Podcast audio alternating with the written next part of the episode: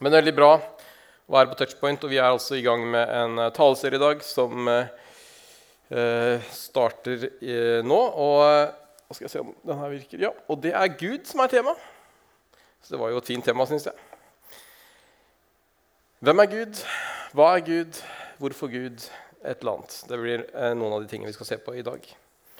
Og ja, Vi skal egentlig begynne med å lese det verset som eh, Nicole begynte med. Johannes 1. Eh, 1-3 så står det i begynnelsen av ordet Ordet var hos Gud, og ordet var Gud.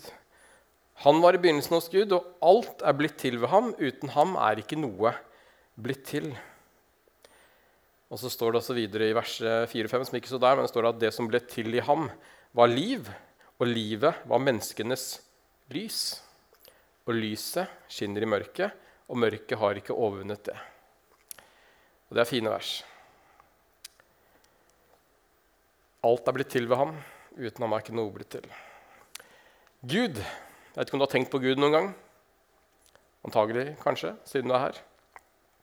Men hvem er Gud, og fins Gud? Og det er spørsmål som menneskene har tatt på alvor og fundert over helt siden tidenes eh, morgen. Og Bibelen snakker om eh, en Gud. Og for oss som er kristne og tror på Gud, så er jo Bibelens Gud eh, Gud med stor G. Og det står der at Gud, som var fra begynnelsen, han skapte både himmelen og jorden. Og så fins det andre guder, og så fins det andre religioner. Og det anslås at ca. 85 av eh, verdens befolkning tror på en eller annen gud. Eller tror på noe større enn seg selv. da. Og det er ganske mange mennesker. Hvis du tenker at 85 av 100 tror på noe mer enn seg selv. Så uansett på en måte, hvem man tror på, eller hva man tror, så er det i hvert fall klart at den følelsen at eh, det må være noe mer, den står ganske sterkt eh, hos mennesket. Og hvorfor gjør den det? Hva er grunnen til at det er så mange som tror på noe mer enn bare det vi kan eh, se og ta på? Det er jo et spørsmål. Og så er vi jo forskjellige mennesker, og det er jo eh, noen som eh, ikke tror at Gud eksisterer. Ofte kalt f.eks. ateister. Og så har vi også en type eh, gruppe som kaller seg agnostikere, som kan si at eh, vi kan ikke vite om det fins en Gud. Eller vi kan ikke bevise at han eksisterer, og kan heller ikke bevise at han ikke fins. Og Det fins ulike varianter innenfor alle disse gruppene. Og så har du det som kalles teisten, som da tror at det fins en gud. Eller vet at det fins en gud, eller håper at det fins en gud. Og så kan jeg forstå egentlig flere syn. I en verden hvor det skjer mange vonde ting og mange lider, så kan jeg forstå at det er mange som velger å ikke tro at det fins en gud. Samtidig så vet vi også at det skjer mye godt i verden. Og så tenker jeg også at det gode må også komme fra et sted. Og Når vi ser hvor lite et menneske er i det store universet, så er det lett for meg å tenke at det må være noe som er større enn et menneske. Og Nå er ikke denne talen dagen sånn, eh, egentlig en eh, trosforsvarstale om hva som gjør at den kristne guden på en måte er mer troverdig enn andre religioners guder. Men veldig sånn raskt i starten så er jo noe av det som skiller den kristne guden fra andre guder, det er jo bl.a. at uh, den kristne guden er historisk dokumentert. I Bibelen og i andre historiske kilder så nevnes Jesus. Så ganske mange forskere, om ikke de tror at Jesus var Guds sønn, så tror de at han har levd. Eller at det levde i hvert fall en person som het Jesus på den tiden, og som betydde mye for verden.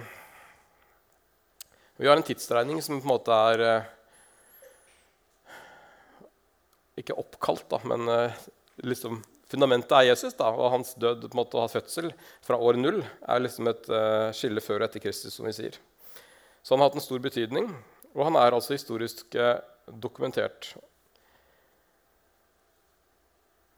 Mange andre guder innenfor uh, norrøn mytologi, romersk uh, mytologi eller uh, gresk mytologi og mange andre uh, guder de har ingen på en måte, historiske kilder på samme måten.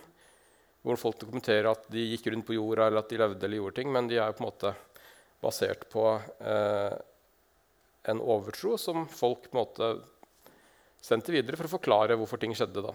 Eh, når det lynet på himmelen, f.eks. at Thor med hammeren eh, var ute. Mens den kristne guden er altså dokumentert av utrolig mange ulike forfattere. Og Bibelen er skrevet av ca. 40 eh, forskjellige forfattere over en periode på 1500 år.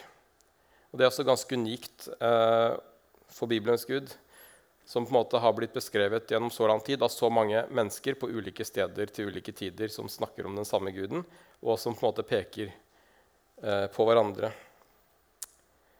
Og Det er en stor styrke for den kristne troen, for i mange andre religioner så fins det kanskje ett hellig skrift som er skrevet av én enkelt person. Så det er klart at Når du har 40 ulike, så vil jeg si at det er flere, flere øyenvitner enn én. da. I tillegg er jeg så glad for at den kristne guden skiller seg fra andre guder gjennom dette med nåde og nådebegrepet, som også er ganske unikt eh, for kristen tro. Og gjennom det at vår Gud også kaller seg for vår far. Det skal jeg si litt om etterpå. Men først og fremst så er også det Bibelens Gud er jo som sagt universets skaper. Og Bibelen starter med å fortelle om at Gud skapte himmelen og jorden i første Mosebok. Og så etter at han skapte universet, eller jorden og himmelen, så skapte han mennesket. Og Det står i første Mosebok at Gud sa, 'La oss lage mennesket i vårt bilde, så de ligner oss.'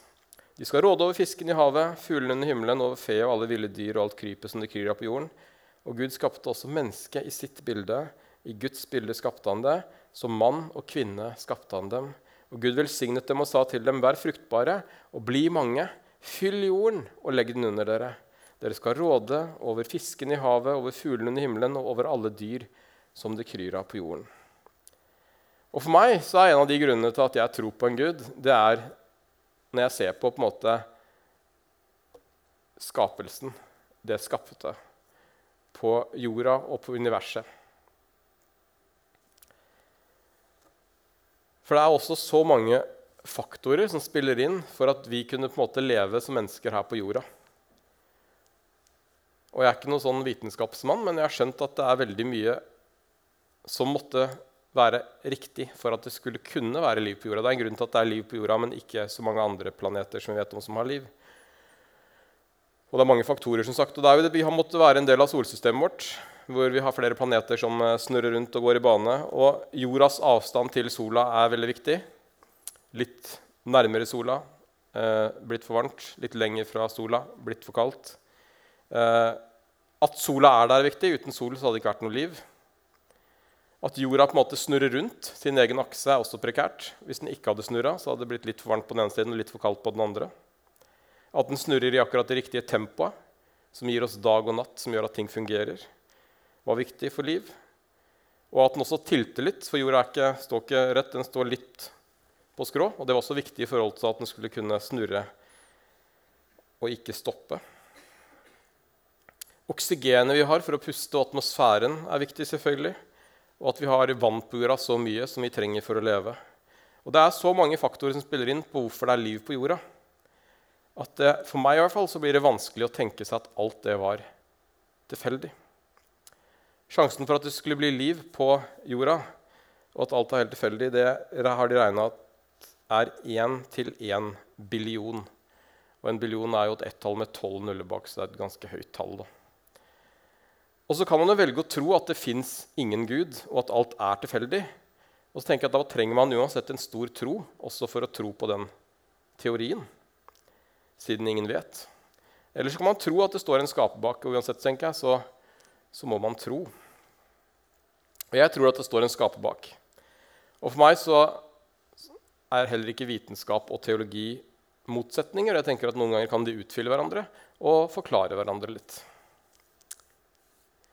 Men hvis Gud skapte himmelen og jorden, så sier det i hvert fall noe om hans storhet. For det er ganske stort. Ikke bare himmelen og jorden, men hele universet. Da. Og så sier også det noe om menneskets posisjon i forhold til Gud. Det at de ble skapt i hans bilde og satt på jorden. Eh, og vårt forhold til Gud det skal vi få lov til å høre mer om neste gang på Touchpoint. Og mennesket. Hvem er vi i forhold til Gud? Det gleder dere til det. Men vi kan lese i uh, Bibelen at i begynnelsen, når Gud skapte mennesket, så var vi sammen med han i Edens hage. Det var fullstendig intimitet med Gud. Alt var bra. Det var ingen skyld, det var ingen skam. Vi kunne gå rundt nakne uten at det betydde noe. Og det var slik Gud hadde skapt oss for å være i fullstendig frihet. Og så hadde han satt ett bud, fordi han visste at det var ikke bra for mennesket å spise av det treet som ville gi oss kunnskap om det gode og det onde. Men så, når mennesket gjorde det og syndet, så kom altså det vonde inn i verden, og vi fikk eh, frykt og skyld og skam og bekymringer, urett osv. Derfor satte Gud altså i gang med en plan som beskrives i Bibelen for å redde mennesket. Og Det er jo de kjente versene i Johannes 3, 16. Oppsummerer det veldig fint. For så av Gud elsket verden, at han ga sin sønn den enbårne, for at hver den som tror på ham, ikke skal gå fortapt, men ha evig liv. Så så høyt elsket han verden, og det sier jo noe om Gud også. Vi tror på en Gud som elsket, og som elsker. Det sier noe om Gud. Han ville strekke seg så langt for sine barn, som var skapt i sitt bilde, at han ga sin sønn for deg og for meg. Og det er kjærlighet. Og Det er en fantastisk Gud å kunne tro på, tenker jeg. En Gud som er kjærlighet. Og i 1. Johannes brev, kapittel 4, så står det.: Mine kjære, la oss elske hverandre. For kjærligheten er fra Gud, og hva er den som elsker, er født av Gud og kjenner Gud. Den som ikke elsker, har aldri kjent Gud, for Gud er kjærlighet. Jeg syns det er fine vers. Det står at Gud er kjærlighet, og at hver den som elsker, er født av Gud og kjenner Gud. Fordi at kjærlighet og Gud henger sammen. Og så står det ikke at han noen ganger har litt kjærlighet, men det står at han er kjærlighet. Gud er kjærlighet.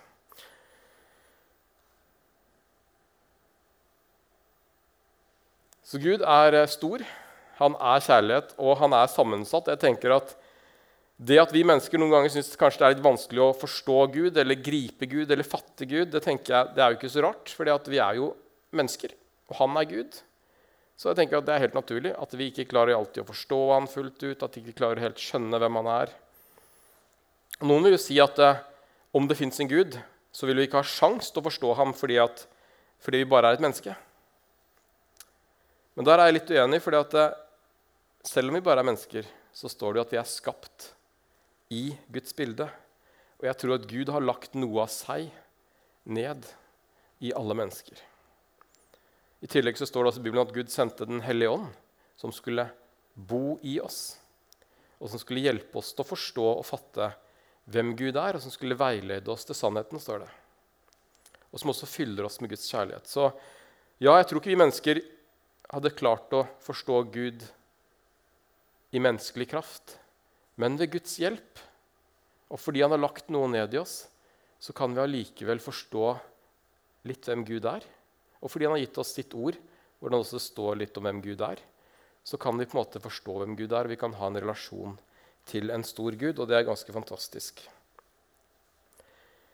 Så vi har med en stor Gud å gjøre.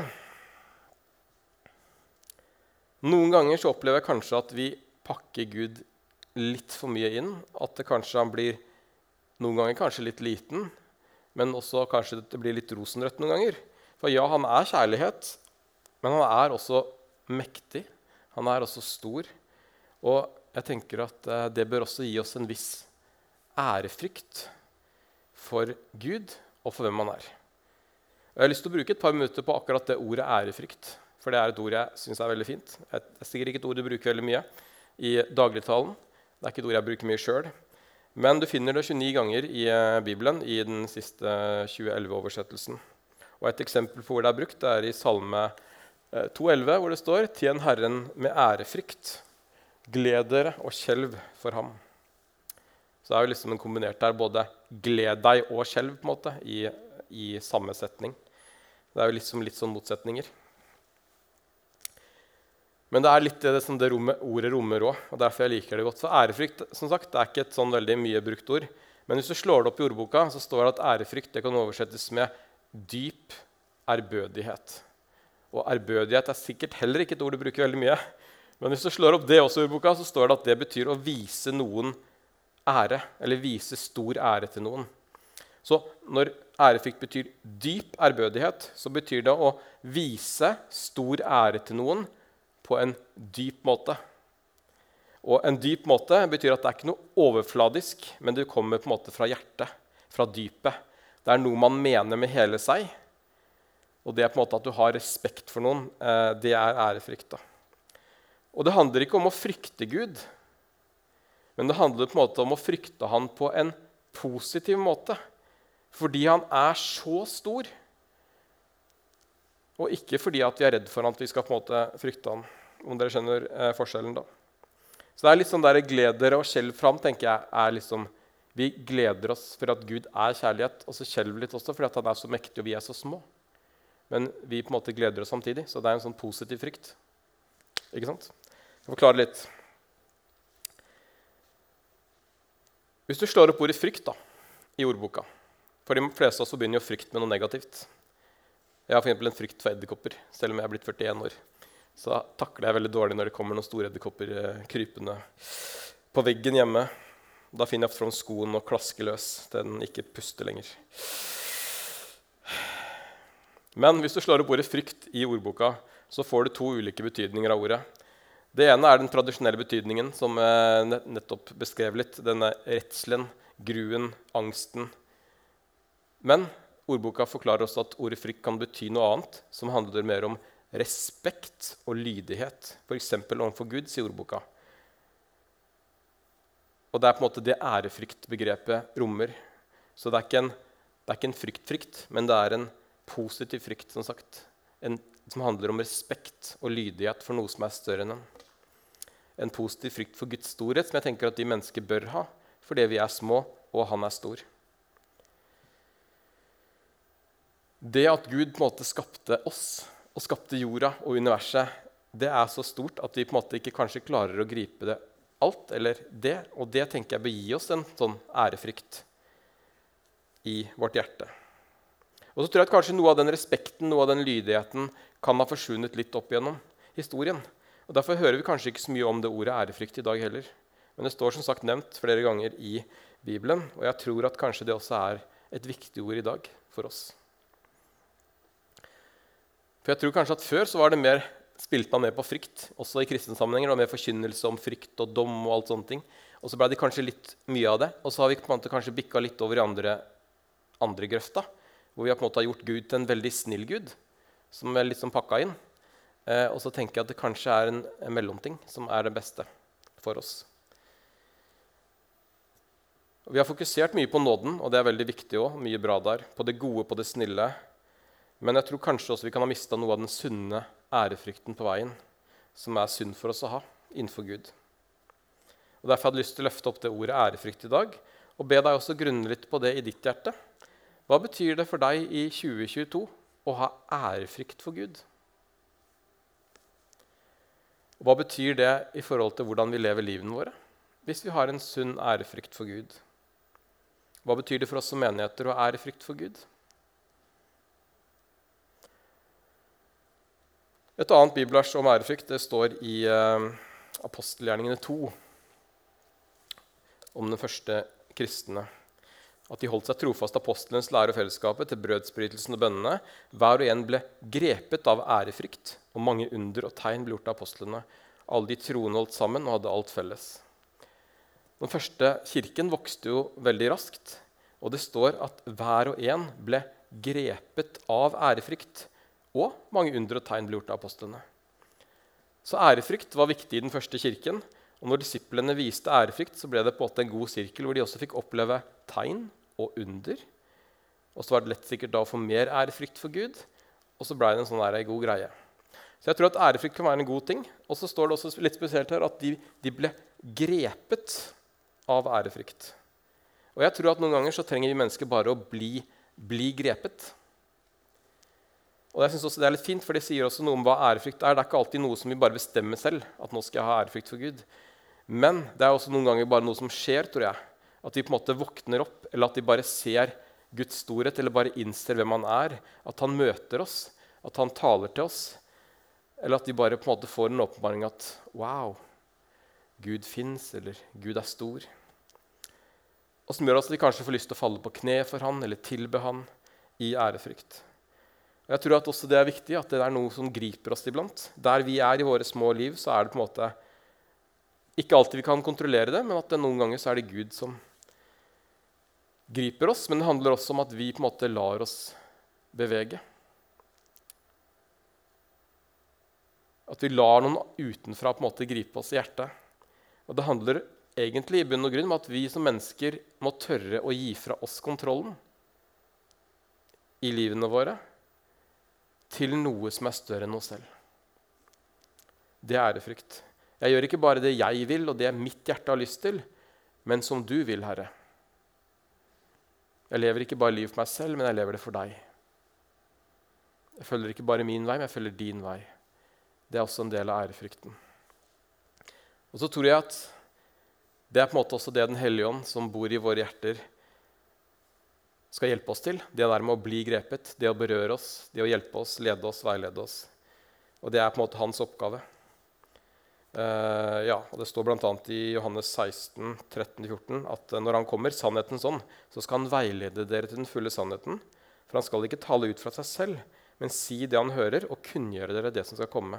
Han skal forherlige meg, for han skal ta det som er mitt, og forkynne det for dere. Altså Den hellige ånd skal forherlige på en måte Gud i våre liv. Og det tenker jeg er litt av der ærefrykten som han hjelper oss til å forstå. Den hellige ånd skal hjelpe oss å se Guds storhet og få på en måte en positiv ærefrykt for ham. Men så må vi la han gjøre det. da. La han slippe til.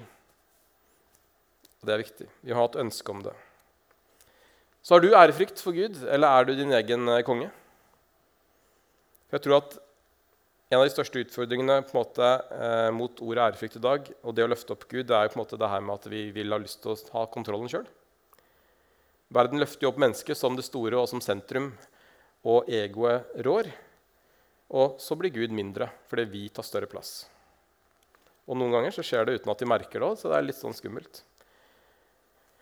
Og så vil jeg anbefale å lese 'Forkynneren'. Det synes jeg er en veldig bra bok i Bibelen. Og den er også veldig synes jeg, inn i vår tid. Selv om det skjedde for lenge siden, det som beskrives der, så det, kunne det vært i dag. liksom. For det er veldig mye om en som på en måte er opptatt av å samle skatter på jorden. Han er opptatt av å ha alt. Han har mye rikdom. Uh, han lever livet, jobber, prøver mye. Men så opplever han også til slutt at alt er på en måte tomhet. Og så kommer han til en veldig fin uh, konklusjon, bl.a. i uh, Skal vi se Der i kapittel 5, vers 6. Midt i alle drømmer, all tomhet, alle ord, ha ærefrykt for Gud. Det er liksom hans oppsummering på en måte, etter å ha prøvd det meste. Så det har jeg lyst til å si til dere òg, det som forkynneren eh, sa her. Altså Midt i alle dine drømmer, i eh, alle din tomhet som du eventuelt måtte kjenne på, eller i ordene, eller alt du gjør, alt du er, hele livet, husk å ha ærefrykt for Gud. Anerkjenn hans storhet og ta han med i livet ditt. Ha plass til ærefrykt for Gud, for jeg tror at det gjør noe med oss. Og ikke glem oppi alt det du står i den travle hverdagen, å ha ærefrykt for Gud.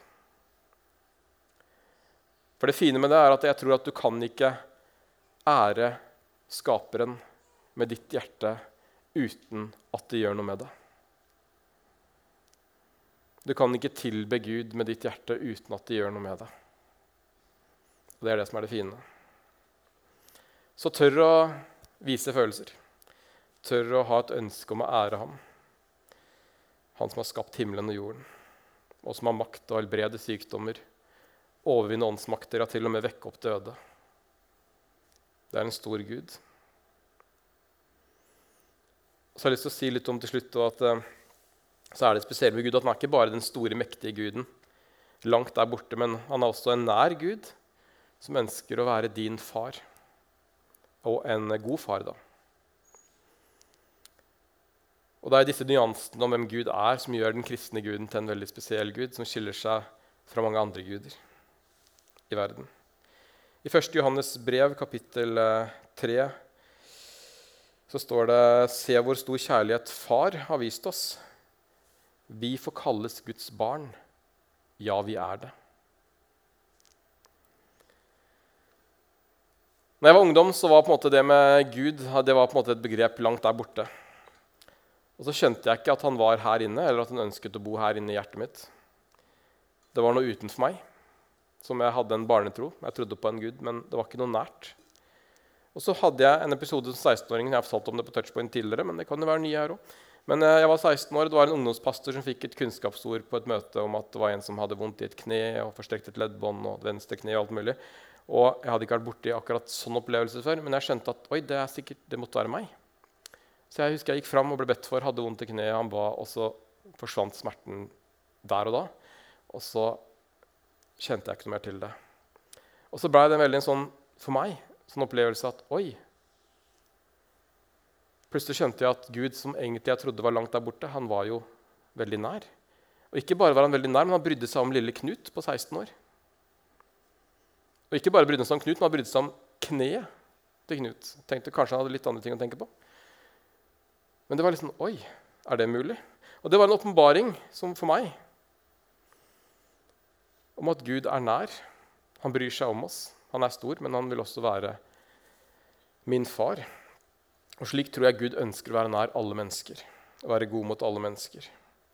Og det er stort.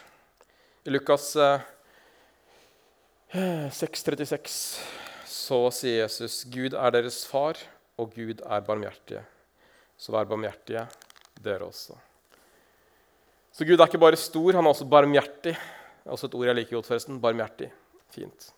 Han kaller oss til å være barmhjertige. Og da trenger vi hans hjelp, og vi trenger å lære ham. Og jeg tror at vi mennesker har behov for å være avhengig av vår Far i himmelen. Uansett hvor sterke eller svake vi er som mennesker, enten vi har høye lederstillinger eller har mye ansvar, eller om vi er en av samfunnets svakeste, uansett hvem vi er, så trenger vi vår fars kjærlighet. Og så trenger vi å åpne hjertene våre for å ta imot den kjærligheten som vår far så inderlig ønsker å gi til oss. Og det å åpne opp for Guds kjærlighet i våre liv, det er ikke å vise svakhet. Det er snarere tvert imot. Det å tørre å gjøre seg avhengig av Gud, det er et tegn på styrke, spør du meg. Og jeg tror at Gud ofte sier til oss, 'Vil du vandre i din egen kraft, eller vil du vandre i min styrke?' Hvis man bare går i egen kraft, som ofte kan gjøre, så tror jeg man blir fort sliten. Jeg har selv opplevd det. Men hvis vi lar vår Far i himmelen fylle oss med sin kjærlighet, så tror jeg at vi vil få en annen energi og en annen kraft til å gå ut og gjøre det som han har kalt oss til å gjøre. Og så er det noen ganger vi er på et sted i livet hvor vi bare ikke orker å gjøre noen ting. Og hvis du er på det stedet i kveld, så tror jeg Gud vil si til deg at eh, kom og sitt på fanget mitt. Kom og sitt her så lenge du trenger det. Kom og hvil hos meg. Kom og hvil i min kjærlighet. Kom til meg, du som bærer tunge byrder. Så vil jeg gi deg hvile. Så tror jeg han sier til hver en av oss i dag at du er mitt elskede barn, og jeg er din far, som har elsket deg med en evig kjærlighet. Og jeg så deg da du bare var et foster. Jeg har skapt deg og vevd deg i mors liv. Du var ikke et feiltrinn, og du var ikke en tilfeldighet. Du har alltid vært mitt dyrebare barn, og jeg utvalgte deg før verdens grunnvoll ble skapt. Kom til meg, og la meg fylle deg med min kjærlighet. Du er mitt barn, og jeg er din far.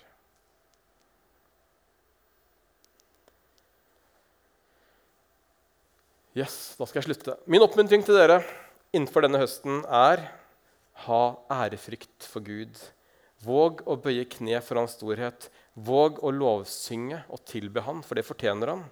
Ikke bare her på touchpoint, men også i hverdagen. Og la han få lov til å være din far. La han få lov til å bære deg i sine armer når du trenger det. La han få lov til å lede deg og gi deg styrke og kraft, slik at du også kan få lov til å vise andre hvem han er. Nå skal vi eh, lovsynge litt eh, sammen igjen, så dere kan bare gjøre dere klare lovsangsteamet. Bli gjerne med som sagt, og lovsynge.